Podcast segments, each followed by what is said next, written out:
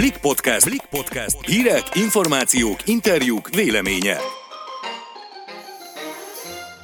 Sziasztok! Ez itt a Blik podcastja június 3-án szerdán. Én Szabadfi Mónika vagyok. Én pedig Sérlei Noémi. Ma arról beszélgetünk, hogyan változik meg az irodai kultúra a koronavírus hatására, illetve egyáltalán van-e jövője a home office-nak. Végül azt is eláruljuk, miért fontos, hogy jó minőségű ruhát választunk a gyermekünknek. Vágjunk is bele! Pár évvel ezelőtt még teljesen elképzelhetetlen volt, hogy otthonról hatékonyan, ráadásul ennyire könnyen tudjunk dolgozni. A koronavírus alatti karantén viszont teljesen más megvilágításba helyezte a home office és az irodai munkát. Gondolom neked is van olyan ismerősöd, aki már korábban is dolgozott egy-egy napot távmunkában, hiszen ezt már sok multinál engedélyezték a koronavírus előtt is, de azért a tartós home office-tól mindenki rettegelte, nem csak a munkáltatók, hanem maguk a munkavállalók is. Szerinted mi okozhatja a félelmet egy munkáltatóban? Hát a munkáltatók elég szkeptikusak voltak a home office kapcsolatban. Nyilván előjött az, hogy otthoni környezetben nem tudják hogyan ellenőrizni, vagy csak nagyon nehezen az alkalmazottakat. Nem tudnak az irodába körbesétálni, valakit azonnal magukhoz hívni, illetve szerintem ami a legnagyobb félelmük volt,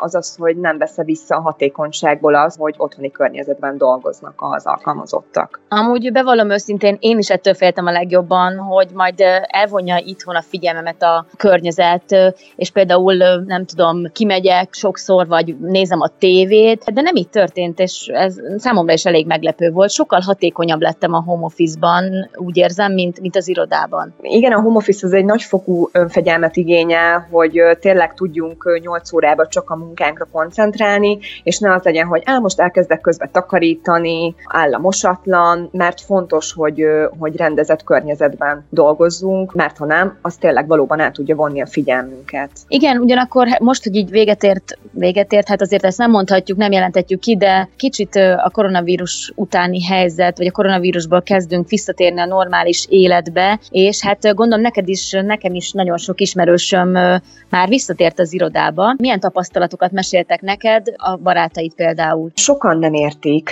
hogy miért kell két napra bemenniük az irodába, mert úgy érzik, hogy, hogy otthonról sokkal hatékonyabban dolgoznak, ugye amiről beszélgettünk. Sokat veszel az utazási idő, otthon még pénzt is spóroltak, már aki, illetve hát nyilván egy teljesen új rendszerben, egy új irodai környezetben kell működniük, ebbe beletartozik, hogy más az időbeosztás, táblázatok vannak, ki mikor mehet be, ugye csökkentett létszámban lehet bent lenni, ami, ami nem feltétlenül jó dolog. Igen, és nem tudom, hogy te hogy vagy vele, de engem például a, a biztonsági intézkedések azok, amik így így frusztrálni fognak a jövőben, ha tényleg vissza kell menni, mert megnehezíti azért a munkára való odafigyelést azt, hogy, hogy hol kell az épületben maszkot viselni, hol nem, hol ehetsz, egyáltalán használhatod-e majd a konyhát, nem ülhetünk vissza a helyünkre, mert ki kell hagyni a, a másfél méteres távolságot, esetleg felhúznak egy plexi védőfalat, úgyhogy nem tudom, én ezektől jobban félek, hogy, hogy így nehezebb lesz visszaszokni. Igen, valószínűleg a cégek is így gondolkodnak, többek között ezért sem vezették vissza rögtön azt, hogy mindenki menjen vissza az irodába, és ezért lássuk be, hogy a home office-nak azért sok előnye is volt, tehát nincs utazási idő, valaki tovább aludhat reggel, az is előáll, hogy, hogy nehezebben teszi le az ember a munkát egyébként, és nehezebben indul el valahova kikapcsolódni, ami viszont szükséges a munka mellett, hogy egy kicsit kiszakadjunk. Igen, teljesen egyetértek azzal, hogy nehezebben tesszük le a munkát.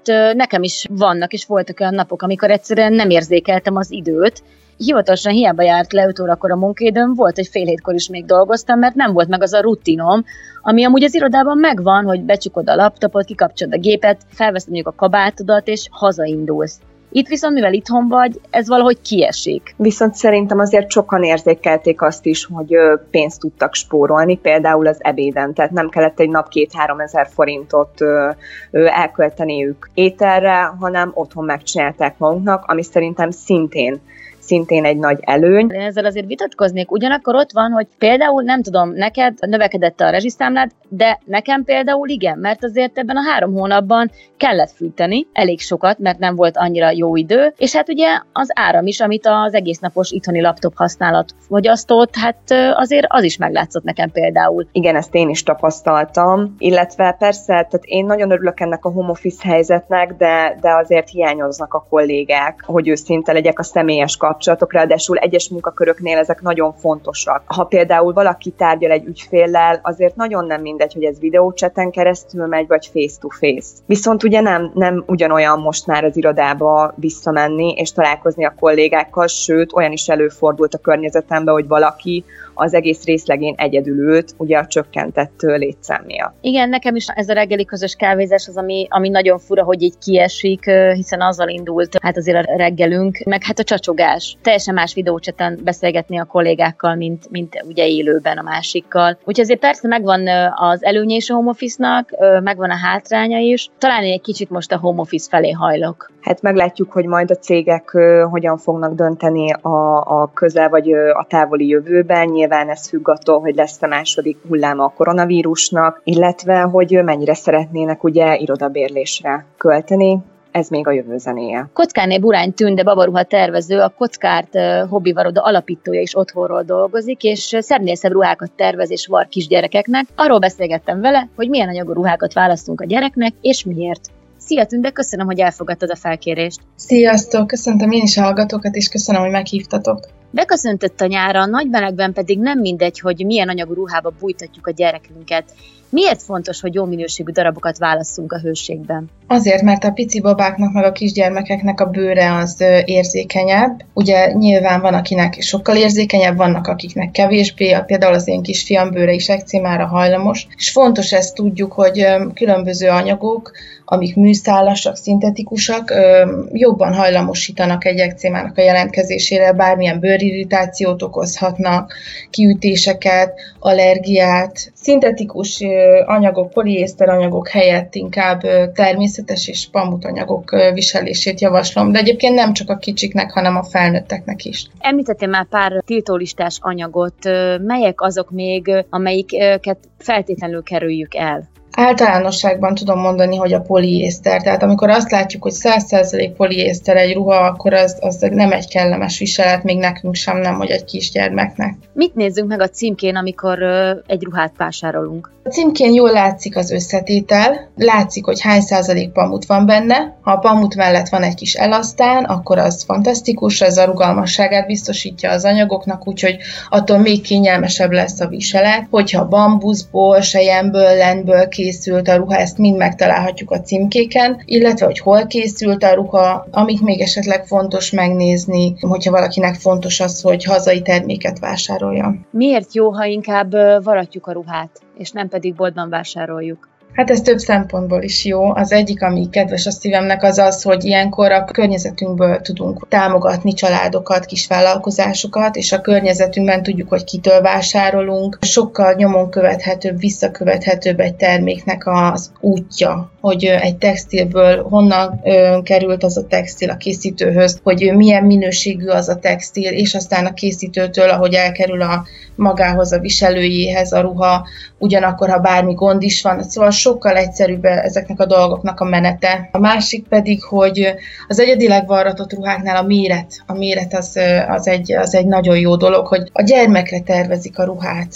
Ezt felnőtteknek is egyébként régen nagy divat volt ugye szabóságokban varratni a ruhákat. Nyilván sokkal kényelmesebb valami, amit az ember alkatára varnak, mint amit készen veszünk egy általános mérettáblázat alapján. Ha varratjuk a ruhát, lehet például hozzá toldani, hogyha kicsit nő a gyerek, és nem szeretnénk, hogy kárba vesszen a ruha? Hát ez egy nagyon érdekes kérdés, mert hogy még bolti ruháknál is hallom sokszor, hogy anyukák megtoldják, például a gumisderekat kibontják, és a helyére végére esetleg egy passzét raknak, ami 5-10 cm-rel is megnövelheti a nadrágnak a hosszát. Tehát persze lehetséges ez is. Ugyanakkor meg a, a termékek útjánál az nem egy jó dolog, hogyha újra és újra visszakerül a készítőhöz. Lehetséges az, hogy megtoldjunk kis ruhákat, hogy hosszabb legyen, vagy szélesebb legyen. Ugyanakkor én inkább azt javaslom, hogy ezek a ruhák sokáig hordhatóak, főleg a nagyon minőségű textil miatt, a nagyon jó minőségű minőségű textilek miatt, hogy inkább örököljék meg más gyerekek, használják más gyerekek, és érdemes ilyenkor nagyobb méretet varratni,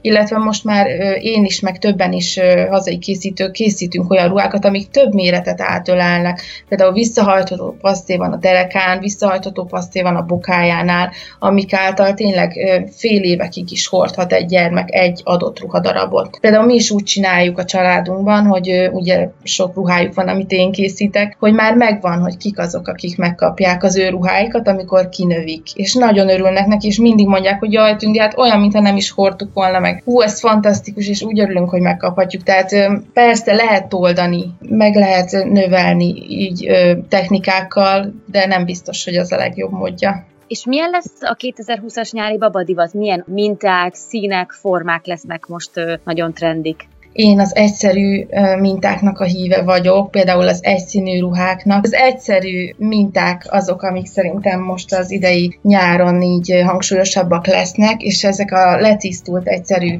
vonalak, minták, amiket nagyon jól fel lehet dobni applikációkkal, fodrokkal, például egy egyszerű, csíkos felső, peplum felső, újatlan, aminek az alja fodros, és egyszerű, és mégis fantasztikusan áll a kislányokon. Kisfiúknak is ugyanígy ilyen dolgokat tudok leginkább elképzelni, amik, amiken egyedi applikációk vannak, például egy pólón, nem olyan minták, amik szembe jönnek velünk az utcán. Tudsz erre egy példát említeni, például nem tudom, rókás, vagy... vagy... Például most volt egy anyuka nálam, aki ö, oroszlános kisruhákért rajong, és most fog megszületni a babája, és neki találtunk ki egy olyat, hogy a body az legyen egy egyszínű, szürke vagy mustárszínű, a nadrágja lehet egy mintás, lehet hozzá ugyanabból a mintából egy sapka, és a bodyra pedig rá hímeztem egy oroszlánt. De az applikációnak is ugye több fajta módozata van, van, aki géppel hímez, van, aki kézzel, van, aki csak körbe rávarja, szóval nagyon sokfajta módja van, és őnek így találtuk, hogy legyen ott egy oroszlán a bádi közepén, és ez milyen helyesen néz ki. És a színekről mondanál valamit, hogy ugye említetted ezt a mustársárgát, szürkét, hogy a babák körében mennyire divatosak a neon színek?